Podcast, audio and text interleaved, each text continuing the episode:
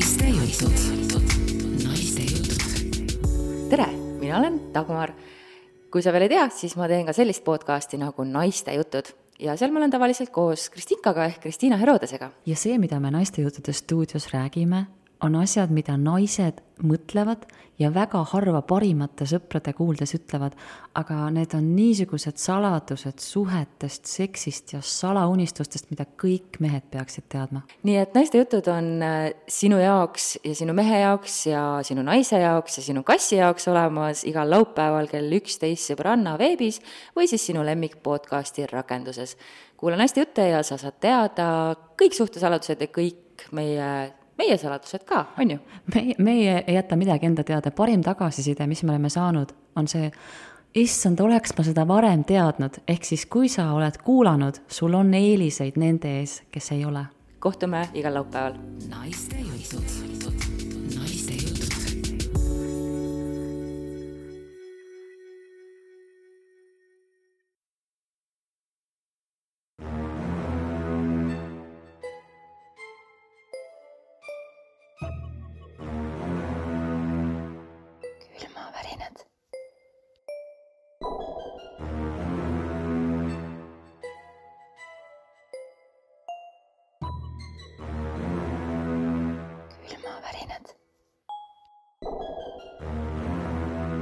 Tere, head külmavärinate kuulajad, mina olen Dagmar.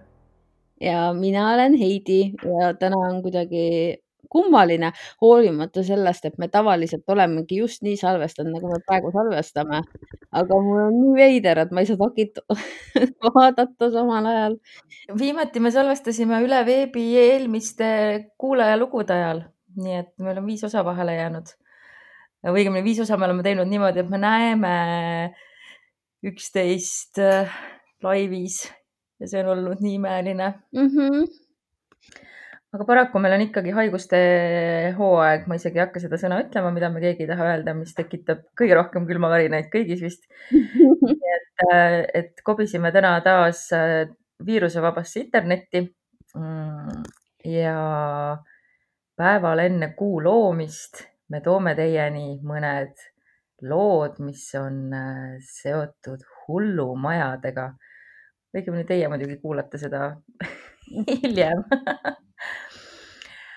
aga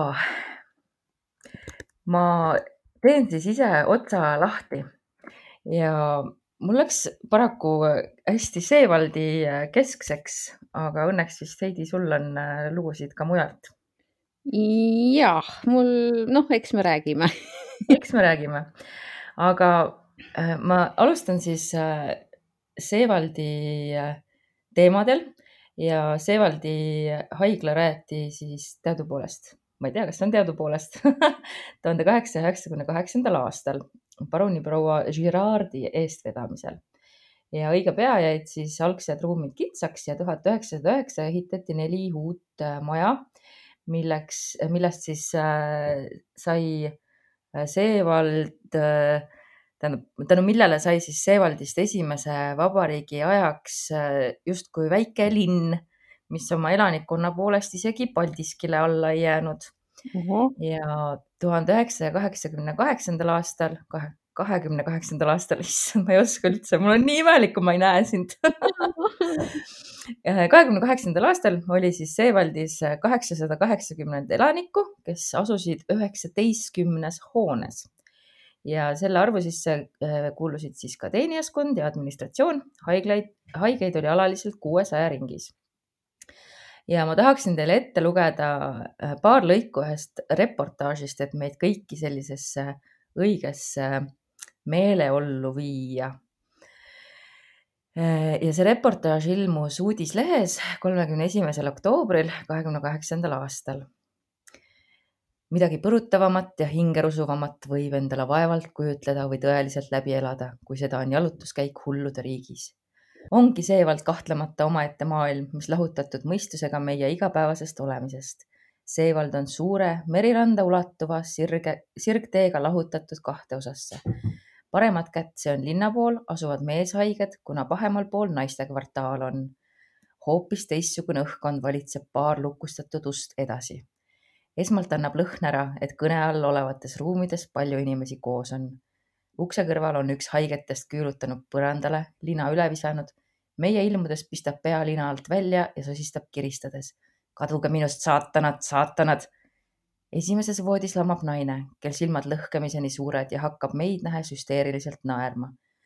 see muusika kogu aeg saatis kellegi venekeelset laulu kaks haigetest aga kargavad kohe püsti ja tahavad nagu kallale tormata ühel neist on nägu tähelepanuväärselt moonutatud, käsi kaela seotud, üks näpp nähtavasti pudrune, millega mind vägisti, vägisi katsuda tahab mm.. haige talitaja tõrjub ta tagasi, ent ta ei loobu, kuni ukse juures õnnestub mu palitule valget plekki teha ja küsida. Kas Emajões palju kalu on? katsun end eest ja tagant kindlustada, ent vaene fotoreporter, kes veidi maha jäänud, langeb neile siiski ohvriks. kolm särgiväel naishaiget astuvad talle kallale Nemad tahavad tingimata kord ometi meest suudelda, ent ravitsejate väleduse tõttu jääb neile see lõbu seekord saamata. üks neist kallaletungijaist on välimuselt kui mees. tal on peaaegu mehelik nägu, õlgadeni langevad juuksed ja naljakas rõngashabe. Ta aetakse eemale, ent üle voodit ja tormab ta uuesti lähemale. ma pean seda, ma pean, hingeldab ta, ta silmis ürginimese metsik loomalik pilk. samas kisendab keegi välja, välja, mina olen ju siin, lapsed on surnud. järgneb nutt teisedki muutuvad rahutuks, kusagil tekib haigete eneste vahel rüselemine. näen vaid imetu, inetuks moonutatud nägusid, nina kannatab erilise higilõhna all, kõrvu matab mõttetute häälitsemiste sümfoonia. Üks neist õnnetuist hakkab nagu krampides visklema. haiguse hoog tuli. ma loodan, et me oleme nüüd äh, viidud sobivasse meeleollu. mul on juba külmavärinad, ma lihtsalt ei ole praegu kindel, kas see on sellest, et mul see pagana tõbi kallal on praegu või kõik need hästi-hästi-hästi nagu elavad kirjeldused mm. -hmm. Need... nii et äh, sa võid äh, nüüd siis äh, üle võtta.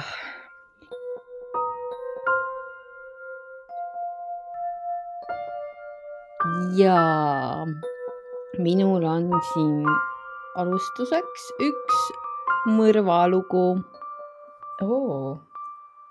ja see juhtus kahe tuhande esimesel aastal. noh, me jälle tegime siukse mõnusa ajahüppe, seitsekümmend, kaheksakümmend aastat siia-sinna. igal juhul kahe tuhande esimese aasta esimesel juunil tappis juba aastaid enne seda kolme inimese mõrva järel süüdimatuks tunnistatud neljakümne kaheksa aastane Aleksandr Artamonov Narvas Kreenholmi tänav kaheksa majas oma endise hullumaja palatikaaslase, kahekümne kuue aastase Aleksei ja tolle naistuttava kahekümne viie aastase Irina. ei. ja Aleksander oli oma naaber trepikojas elanud äh, selle palatikaaslase naisega või naistuttava Irinaga siis tüli ja esimese juuni keskpäeval kohtas Aleksander maja hoovis Alekseid, kes puhastas vaipa. Ning äh, Aleksander arvas, et on õige aeg öelda mõni halb sõna Irina kohta mm.. no tubli poiss, tubli poiss mm. -hmm. mõni tund hiljem tulid Aleksei ja Irina siis Aleksandri juurde koju ja nõudsid temalt vabandust ja tahtsid teada, mis on see põhjus, miks ta siis seda naist solvab niimoodi. kuigi külalised olid vintis, ei leidnud kohus nende tegevuses midagi seadusevastast. Alekseil ja Irinal polnud mingit relva kaasas, pealegi oli Aleksei parem käsi luumuru tõttu kipsis. vot sihuke mees, kipsis käega ja klopib õues vaipa mm. -hmm. no aga võib-olla ta kloppis teise käega noh, jah ma arvan, kui mul midagi kipsis oleks, siis ma lihtsalt kõrvaldaks ennast igasugustest füüsilistest tegevustest kohus võttis arvesse, et kohtualune ei saanud tugevasti erutatud ka olla, sest äh, teda ju keegi ei solvanud, vähemalt mitte rängalt ja keegi teda ka ei löönud. kuid äh, Artamonov käitus väga agressiivselt, ta lõi külalisi mitu korda noaga kui aga nuga murdus, siis jooksis kööki teise pikema ja suurema järele ning lasi selle ka käiku. meil on enne ka olnud lugusid tüüpidest, kellel mõrva käigus äh, noad murduvad ja minu meelest on lihtsalt Jaa. hämmastav, milline metsikus peab seal ikkagi taga olema, et üldse selleni jõuda, et nuga murduks. no me kohe jõuame selleni umbes, mis ai- annab natuke aimu, milline metsikus selle taga võis olla e,. igal juhul Irina ja Aleksei jooksid trepile e,, kuid Ale- e,, pagan, need vene nimed Aleksandr oli mõrvar ja Aleksei oli ohver. just, Mhm. Aleksandr äh,, Aleksander sai nad seal kätte ja jätkas nende surmahoopide jagamist. ja mõrvar tekitas siis neile kolmkümmend üheksa noahaava, mis ei ole üldse vähe. ei, seda on, ma arvan, palju, seda on kolmkümmend ühe, kolmekümne üheksa võrra rohkem, kui mina sooviksin enda kehasse esiteks, eks ju. mm. -hmm. ja tegelikult vot see nüüd põhjendabki seda, miks see nuga võis katki minna, sest kolmkümmend üheksa hoopi niimoodi sa lükkad selle sinna sisse, kui sa seda välja kangutad. ma ei tea, oleneb kui kergelt või raskelt see nagu käib, see protsess e,. siis jättis äh, Artamonov Aleksei ja Irina verd tilkuvad kehad trepimadema ja lahkus äh, sündmuspaigalt ja redutas üle nädala metsas. ta ehitas endale onni ja toitus terve aeg metsaandidest. mis on miks või noh, tähendab, ma saan aru, miks, aga no ikka päris, nojah, mm. -hmm. siis kümme päeva hiljem andis ta end politseile üles, teatades, et tappis noore mehe ja naise enesekaitseks. Kuid kuna mm Mhm. -hmm. kohtuekspert ei leidnud tema kehalt mingeid äh, vigastusi, siis keegi seda ei uskunud ja kohus jõudis järeldusele, et äh, Artamonov pani toime kahe inimese tahtliku tapmisi eriti piinaval viisil ja erilise uurimusega. aga nojah, selles mõttes, et see ei ole ju mingi enesekaitse, kui äh, sa kolmkümmend üheksa korda pead veel nuga vahetama vahepeal ja. Kindlalt ei nagu, see on nii jabur mingi vabandus, et ma ei tea, miks üldse sihuke asi välja käia. aga igal juhul kohus tõdes, et äh, härra on ühiskonnale väga ohtlik ja mõistis talle sellepärast siis eluaegse vabaduse kaotuse. ja väike ilmetu Artamonov kuulas otsust raudpuuris viibides ja meeleheitlikult närimiskummi järades oh. see on eriti vastik kuidagi mingil põhjusel. mm. -hmm. Ma üldse ei talu nätsu närivaid tüüpe teleekraanil, vaata seal selles Ratchetis oli ka see üks õde, kes kogu aeg nätsu näris ja ülla-ülla on ju, eks ole, pärast ta seal avas tule kõigi pihta. ja, ja Sorry, spoilerid see, see tuli vähemalt lõppu nüüd, et kuulge, siin olid spoilerid. aga no selles mõttes, et Ratchet on päris kaua aega juba Netflixis olnud, oleks, et ma oleks Bly Manori äh, spoilerid praegu ära pannud. mm. -hmm. Ja viimasest sõnast ta ka keeldus siis seal. ja kas äh, ta oli siis äh, süüdi või süüdimatu selle protsessi ajal? vot nii, nüüd kohe saame teada. okei. Tallinna psühhiaatriahaigla psühhiaatrid jõudsid statsionaarse kohtupsühhiaatrilise ekspertiisi käigus järeldusele, et Artamonovi jääk skisofreenia ei takistanud tal oma tegudest aru andmast talle inkrimineeritavates tegudes ning oma käitumist juhtimast. psüühiline seisund võimaldab tal kohtumõistmises osaleda ja kriminaalvastutust kanda jumal tänatud. mm. -hmm. meditsiinilise iseloomuga sunnimeetmeid ta ei vaja ja psühhiaatrid siis tunnistasidki, et ta on igatpidi süüdiv. ja kusjuures sama tüüp tuhat üheksasada kaheksakümmend seitse võeti äh, seoses noore naise tapmisega vahi alla. ja mõrv toimus äh, tookord siis Narva-Jõesuu lähedal ja siis äh, tunnistasid meedikud mehe süüdimatuks. Ja siis ta pandi Kaliningradi oblastisse psühhiaatriahaiglasse ravile. aga natuke rohkem kui kahe aasta või kaks aastat hiljem lasti ta sealt äh, vabaks ja siis ta naasis Narva, kus leidis endale elukaaslase. Ja naine siis iseloomustas teda kohtus kui väga äkilise loomuga ja kergelt haavatavat inimest, kes on valmis ükskõik mida korda saa- saatma. Oi jumal, mm. -hmm. näitab päris palju juba meeste maitse kohta, et selline partner endale valida. aga ühesõnaga ta tappis selle äh, tüdruku kaheksakümne seitsmendal aastal, siis ta tappis veel kolm inimest ja nüüd ta tappis veel kaks inimest. jah, ta on ju sarimõrvar. jah. kes on nüüd eluaegselt vangis? Vau, ja ma ei olnudki tast kuulnud midagi. no näed, ossa. Okei okay. vähemalt on ta nüüd eluaegses äh,, eluaegselt äh, trellide taga. jaa, temaga on done loodetavasti. temaga on loodetavasti done.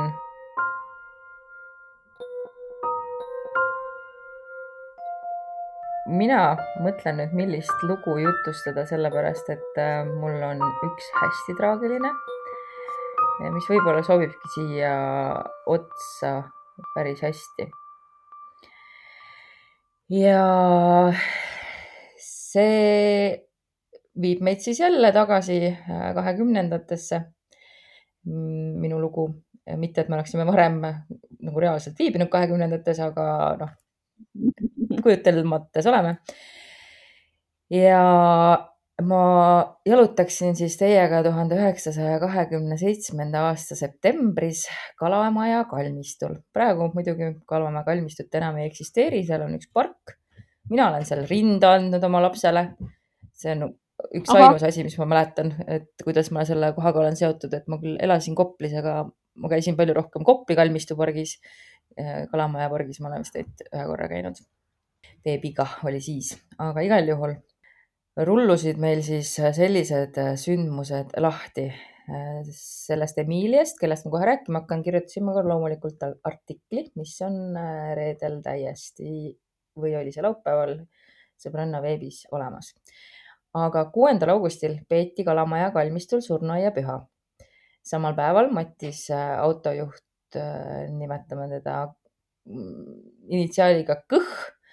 Mul on kõik nimed siin ees, sellepärast ma vahepeal natuke mõtlen, sest et ma lõpus otsustasin, et ma lihtsalt inimeste kaitseks äh, võtan perekonnanimed ära, et, et on sihuke lugu, kus võiks siis seda teha. igal juhul autojuht Kõh äh, mattis kuuendal augustil Kalamaja kalmistule oma üheksateistpäevase lapse, kes oli surnud raske haiguse kätte. Juhtumisi sattus matusetalituse juurde aga neljakümne aastane Emilie. Emilie oli äh, elanud küllalt traagilist elu. tal oli äh, neli aastat vanem abikaasa Alfred, kellega neil olid siis sajandivahetuse alguse või sajandi alguses äh, sündinud kaks last. Paul tuhat üheksasada kuus ja Leida tuhat üheksasada kaheksa. Aga paraku mõned lapse, mõlemad lapsed surid äh, esiteks väga noorelt ja põhimõtteliselt ainult kahenädalase vahega. Leida suri tuhat üheksasada üheksanda aasta detsembris napilt pooleteistaastaselt ning Paul vaid mõned nädalad hiljem, sama aasta viimastel päevadel kolmeaastasena. ja surnud oli ka Emilie mees mm Mm-mm. -mm. ja vahetult enne neid kahekümne seitsmenda aasta sündmusi oli surnud ka tema isa. nii et äh, tegemist oli väga vaimselt häiritud naisega. väga arusaadavalt ka, ma isegi ei kujut-, ma ei kujuta ette, ma ei, ma ei kujuta ette seda, et sa kaotad kaks väikest last paarinädalaste vahedega, see on õudne. ja ta oli viibinud äh, ka Seewaldis, aga noh, toona ikkagi, mis iganes PTSD, postpartum, šokk, depressioon, mis teda kõik korraga seal vaevata võisid. Esiteks polnud neid diagnoosigi olemas, rääkimata sellest, et toona neid ravida oleks osatud. ja ta oli kolinud oma ema Tiio juurde. aga kuna ema oli üsna vana, siis ega see ema Tiio ei, ei suutnud teda väga valvata ja, ja nõnda ta siis sinna matusetalituse juurde sattuski. ja Emilia oli siis äh, kogu selle matusetalituse aja seisnud hauaserval õpetaja kõrval ja vaatas seal üksi silmil lapsukese Kirstu. Kui matusetalitus läbi sai, tähendas naine, küll oli aga ilus laps, selle viin ma omale. mida? ahah. muidugi siis selline käitumine äratas kõigi jaoks kahtlust, aga, aga kuna ta siis kohe midagi ei teinud, siis ei olnud nagu midagi väga hullu ka. kuid Emilia hakkas siis pärast surnuaiapüha iga päev kalmistul käima ja sageli nähti teda just beebihaua ümber liikumas. Nii oligi siis kolmandal septembril südapäeva paiku Emilia kodust välja astunud, kaasas kaks pangetäit vett ja umbes veerand tundi hiljem seisis ta panged käes surnuaia väravas. kui ta möödus äh, Jaani koguduse surnuaiavahi Johannes Lillentali majast, tähendas äh, naine endamisi, ühes panges on pesutvesi, teises loputus.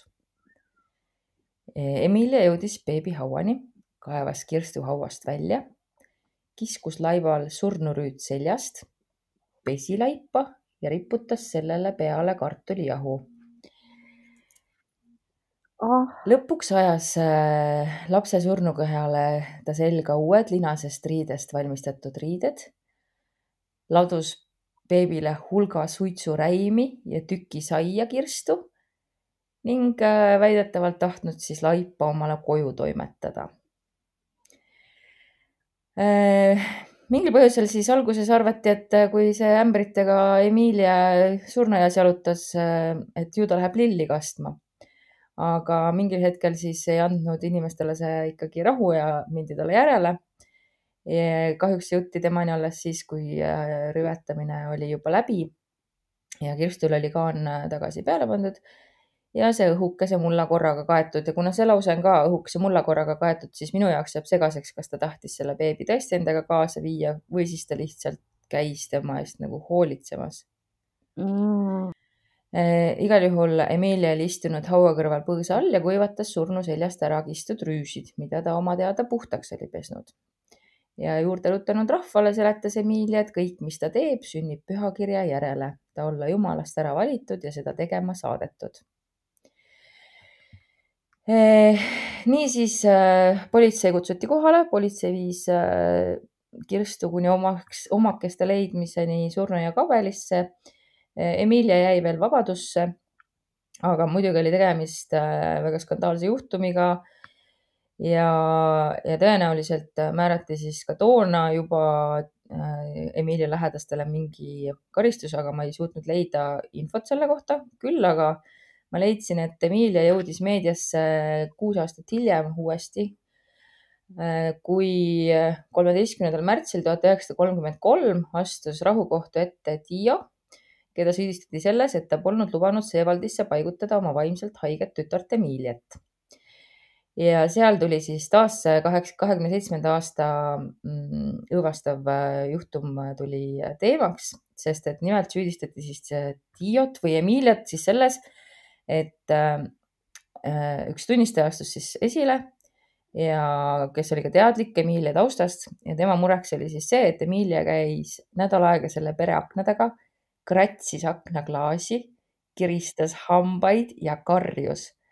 Mm -mm. vahel kloppis ta ka uksele ja passis peale, kui keegi Mm-mm. uksest välja läks, et sisse lipsata. ja kuna perekonnas kasvas ka laps, et siis nagu peljati, et äkki ta võib selle lapse ära varastada jumal Eh,, kes see teeb niimoodi, miks? mm,. ma tean ja samas see on nii traagiline, mul on tast nii kahju. jaa, ja kohtu all äh, olnud ema Tiio siis esitas arstitunnistuse, mille järgi Oša tütrel on kodus rahulikus õhkkonnas kõige parem ja et kodus ta oligi väga rahulik, aga lihtsalt äh, ei jõutud tal silma peal hoida. vanale emale määrati rahatrahv kakskümmend krooni ja Emilia kuulutati vaimuhaiguse tõttu teovõimetuks oktoobris kolmkümmend kolm. Emilia ema Tiio suri neljakümnendal aastal kaheksakümne kahe aastase vanuselt, aga paraku ma Emilia kohta rohkem infot ei leidnudki, et mis temast sai.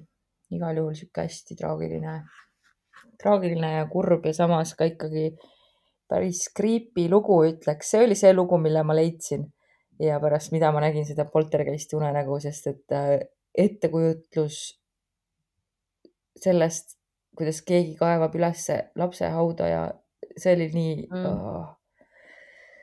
Oh, ja samas täiesti, akna kriipimine ma täiesti mõistan, miks sul see unenägu tuli pärast. mm. -hmm. aga lähme natukene kergemate asjade juurde või noh, jah, niivõrd-kuivõrd. Mm -hmm. Kes mäletab sellist ägedat tegelast äh, nagu Elmar Sarv? aa, Elmar Sarv ühesõnaga, ma leidsin ühe siukse tüübi, kes on nagu Elmar Sarve mingi hullumaja versioon.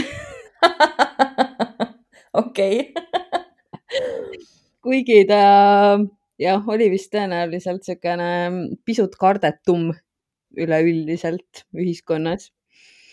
Äh. ma loodan ka, et Elmari, Elmarit ei kardetud, ma kavatsen minna nüüd enne äh, meie Halloweeni laivi, kusjuures praegu on hea hetk öelda, et meil on Halloweeni äh, laiv tulemas. kui äh, te ei mahu meid äh, vaatama äh, aadressil äh, vaimu üks kohas nimega vaimu üks, siis kindlasti vaadake meid kolmekümnendal oktoobril kell kuus sõbranna.ee ja Elu24 veebist mm. -hmm. äh,. igal juhul ma kavatsen enne seda laivi minna Elmar äh, otsa haua peale ka.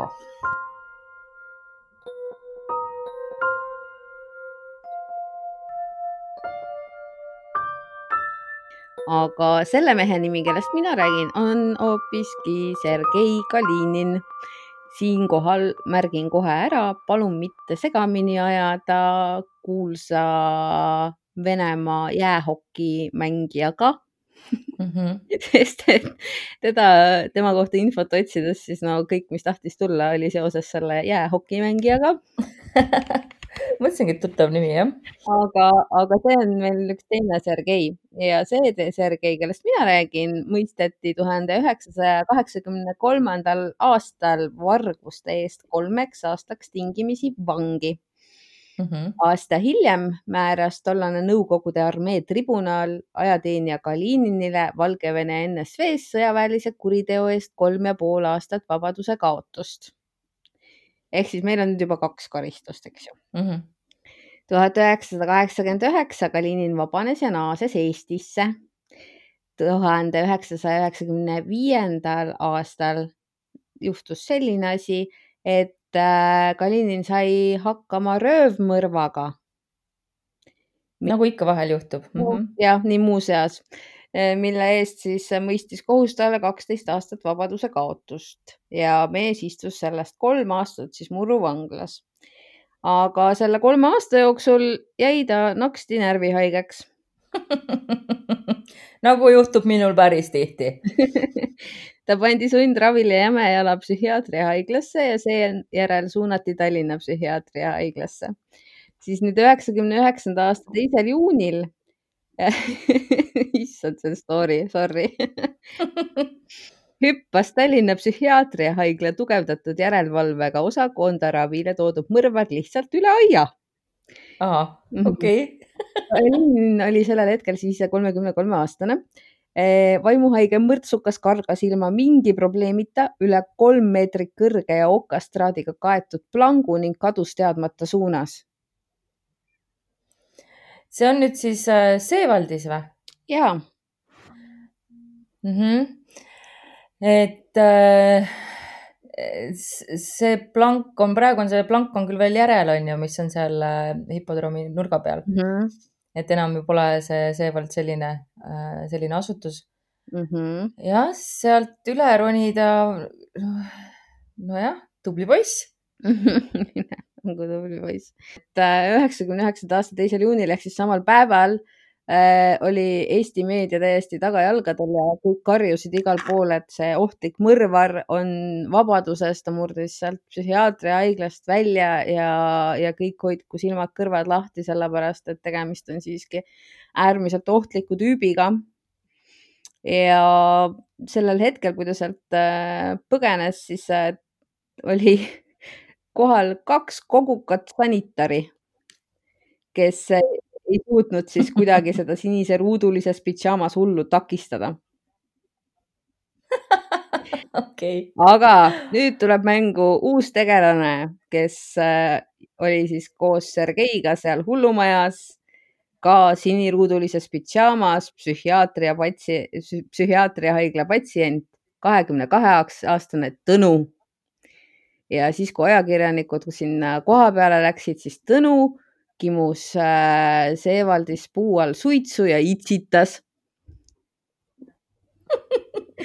ja tema arvas, et mõrva eest kinni istuva Sergei põgenemine hullumajast pole mingi saavutus.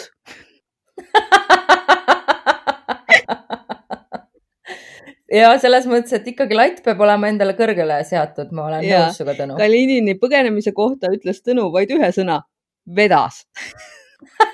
ja siis tüüp lisas, ma ise olen ka korra sipp lehku pannud.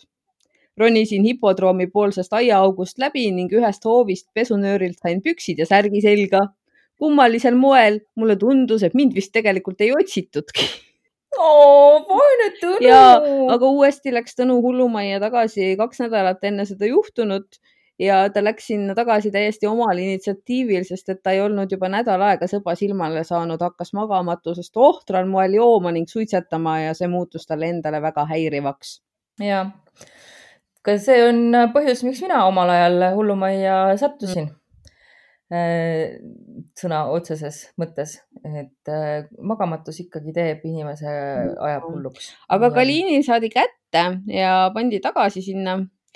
Ja siis äh, kahe tuhande neljandal aastal võeti see asi uuesti ette ja siis äh, tunnistas Viljandi maakohus oma määrusega Kalinini terveks ning lastis ta vabadusse, kuid seda siis kriminaaljärelevalve all.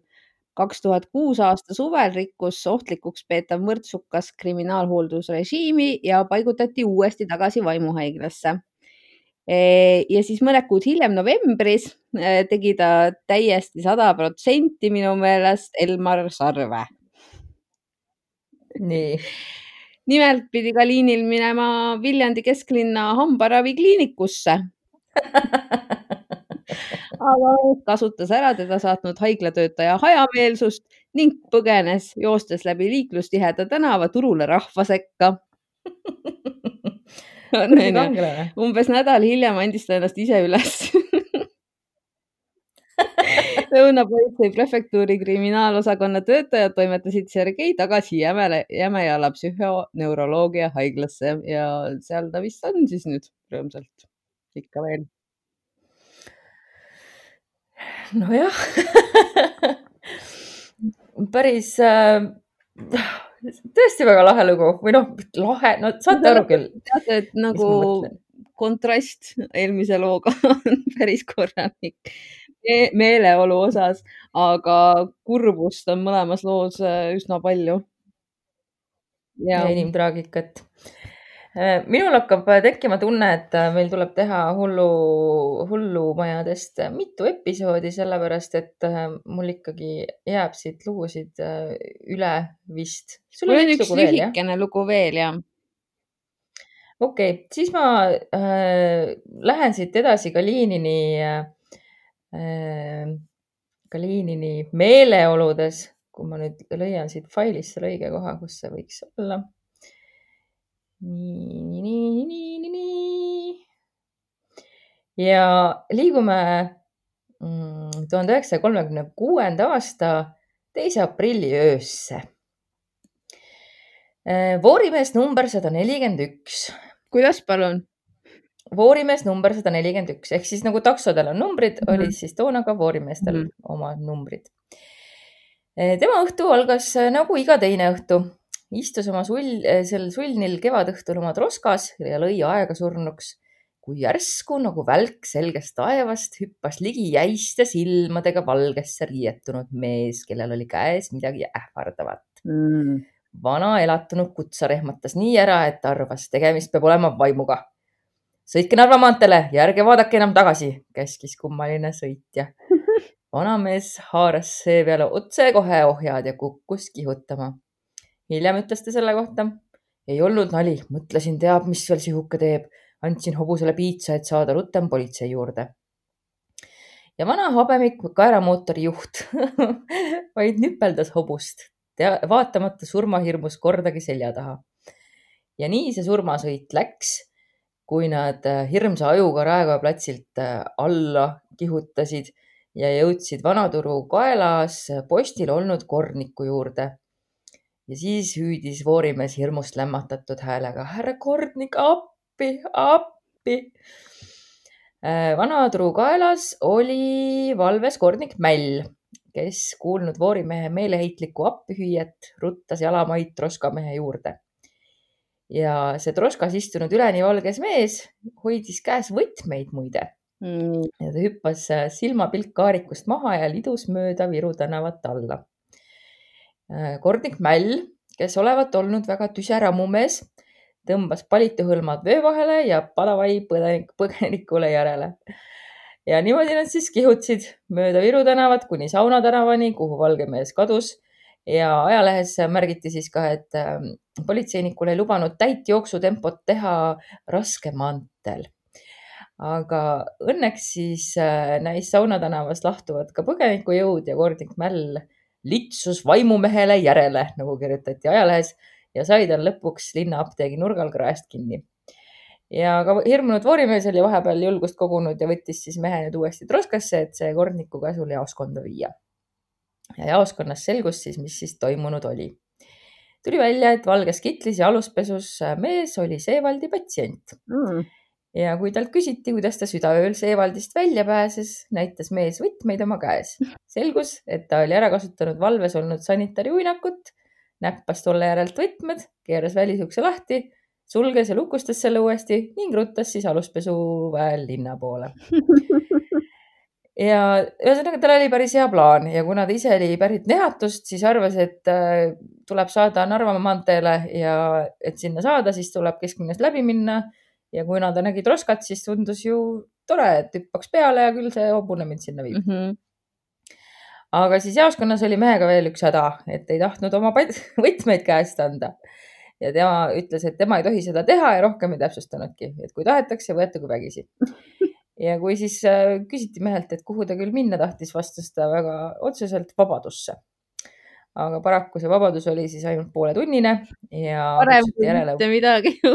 Jah, parem kui mitte midagi, kutsuti järele Punase Risti sanitaarauto jaoskonnas mässiti ta kenasti tekki ja pisteti lupsti haiglaautosse ja siis Kordnik läks veel äh, õele sinna Punase Risti autosse saatjaks ja sõit läks Seevaldi poole, kus siis väidetavalt kadunud poeg võeti kiitustega vastu ja just seda, sellepärast, et ta polnud tee peal võtmeid ära kaotanud issand, sõber tegelikult. nii et, ähm, et selline värvikas äh, kuju surma, surmasõidust. aga mul on, mul on tõesti, mul on päris mitmeid äh, lugusid veel üle, nii et ma arvan, et me kunagi teeme ühe episoodi veel, millal, eks me seda näe. me võime teha aga aga..., sest et mul jäi paar tükki poolikuna ka ootele. ja mul ka, aga teeme siis kaks lühikest veel siia lõppu, siis ongi paras. proovime.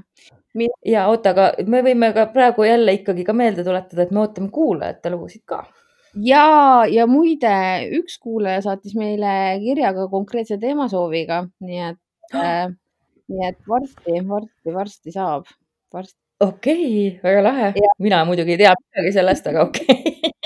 ma räägin sulle varsti okei okay,, räägi. siis kui aeg on, et äh, ja kirjutage meile veel, sest et äh, kuigi kirju tuleb jumala palju, siis ausalt me loeme need lõppkokkuvõttes ikka ette, kui kohe päris ei saa Mm -hmm. äh, emailile saab saata neid külmavärinad.gmail.com, ü asemel Y, ä asemel A ja täitsa lihtsal moel saab meiega kontakti ka sotsiaalmeediakanalites nagu Facebook ja Instagram, vot. Jah, ja niisama võib mind ka jälgida, et Instadaki ja Heidit vist ka onju. ja võib küll ja muidugi, otsige, guugeldage Mm -hmm. aga viime siis selle hullumaja episoodi äh, pöörase lõpuni.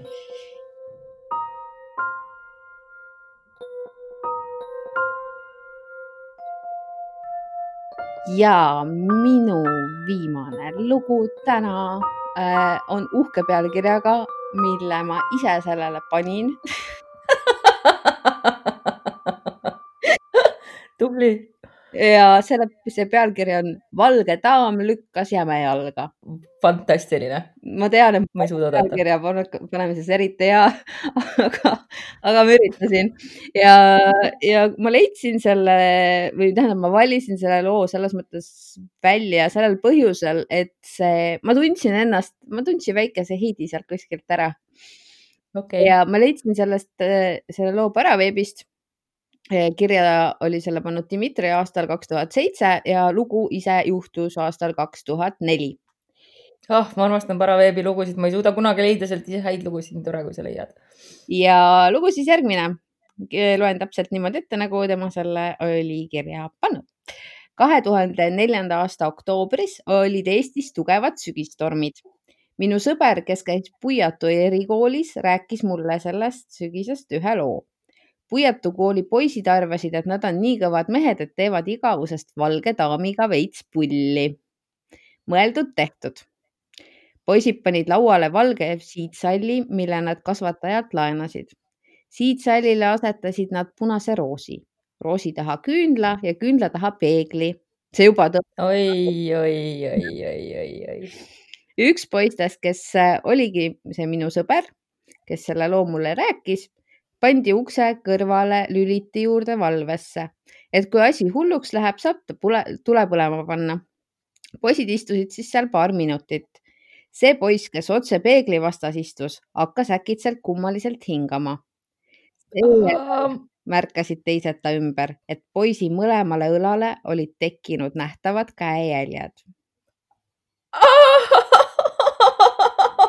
Appikene ei taha.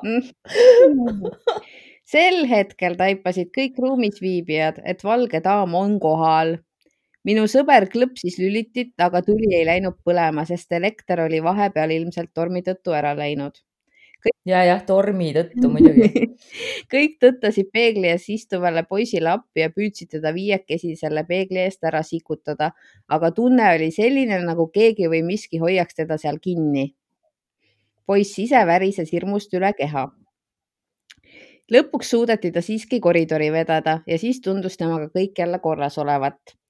kõik läksid kohe magama järgmisel hommikul ärgates märkasid poisi toakaaslased, et viimane kükitab toanurgas, käed näo ees. kui temalt uuriti, et mis tal viga on, tõusis poiss nurgast püsti ja võttis käed näo eest ära. tema silmad olid üleni valged ja nendest voolasid pisarad. Poiss hakkas hüsteeriliselt nutma ja karjuma ja jooksis koridoris edasi-tagasi. peale seda juhtumit suunati ta kolmeks kuuks Jämejala haiglasse ravile Õnneks sai temaga siiski kõik korda, kuid ta kardab siiani nii peeglit kui pimedat mm. -hmm. issand, creepy, mis need käejäljed siis ikkagi tähendavad, et nad nägid, et miski vajutas nagu, nagu riietesse või? Mi, mina sain aru, et nagu riiete peal olid mingid heledad siuksed käejäljed, mingid siuksed, ma ei tea, kuidas seda. ja mul tekib küsimus, et äh, milline osa siit väike Heidi on, kas sa olid äh, noorena Puiatus või Kaagveres Puiatuli poistekool? mind hirmutati Kaagverega, aa, okei okay., et kui kaua siin valget daami välja kutsud, viime Kaagverre umbes nii jah. mm. -hmm. Aga oh, oh Jeesus.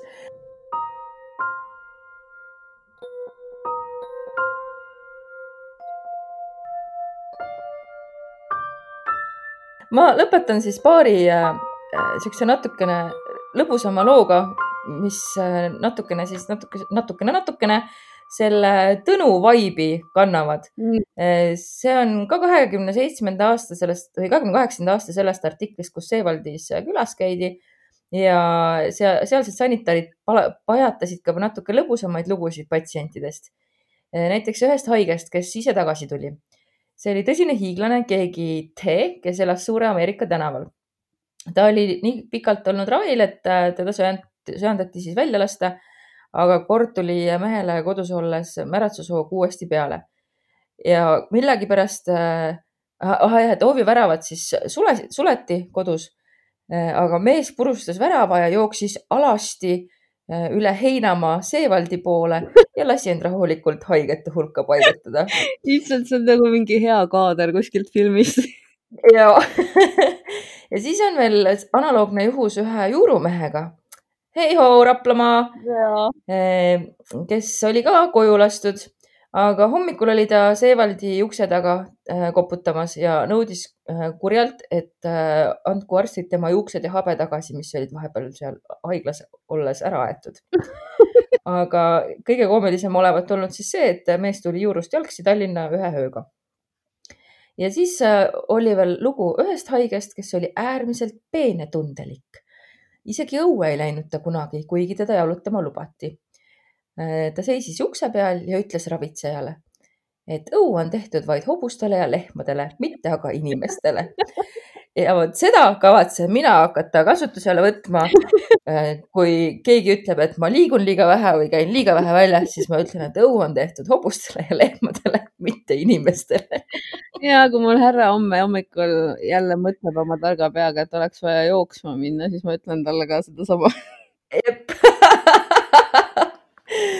nii et äh, kui meil oleks, kui me oleksime iseseisev saade ja me teeksime merch'i ja, ja see oleks miski, mis aitaks meil äh, arveid maksta, siis, siis ma täiega tahaksin T-särki, millele on kirjutatud. õu on tehtud vaid hobustele ja lehmadele, mitte ka inimestele. see oleks nii lahe nii et äh, kui keegi tahab mulle selle kinkida, siis ma võtan selle vastu või ma lähen teen ise endale selle T-särgi nüüd. aga said lood läbi praeguseks, nii et anname siis hea lubaduse, et me teeme kunagi veel ühe episoodi, sest neid lugusid on äh, päris palju. ja teeme kindlalt mm. -hmm.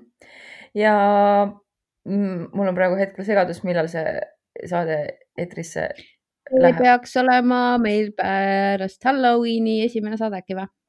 Ei, vastupidi, ta on enne Halloweeni. on enne või?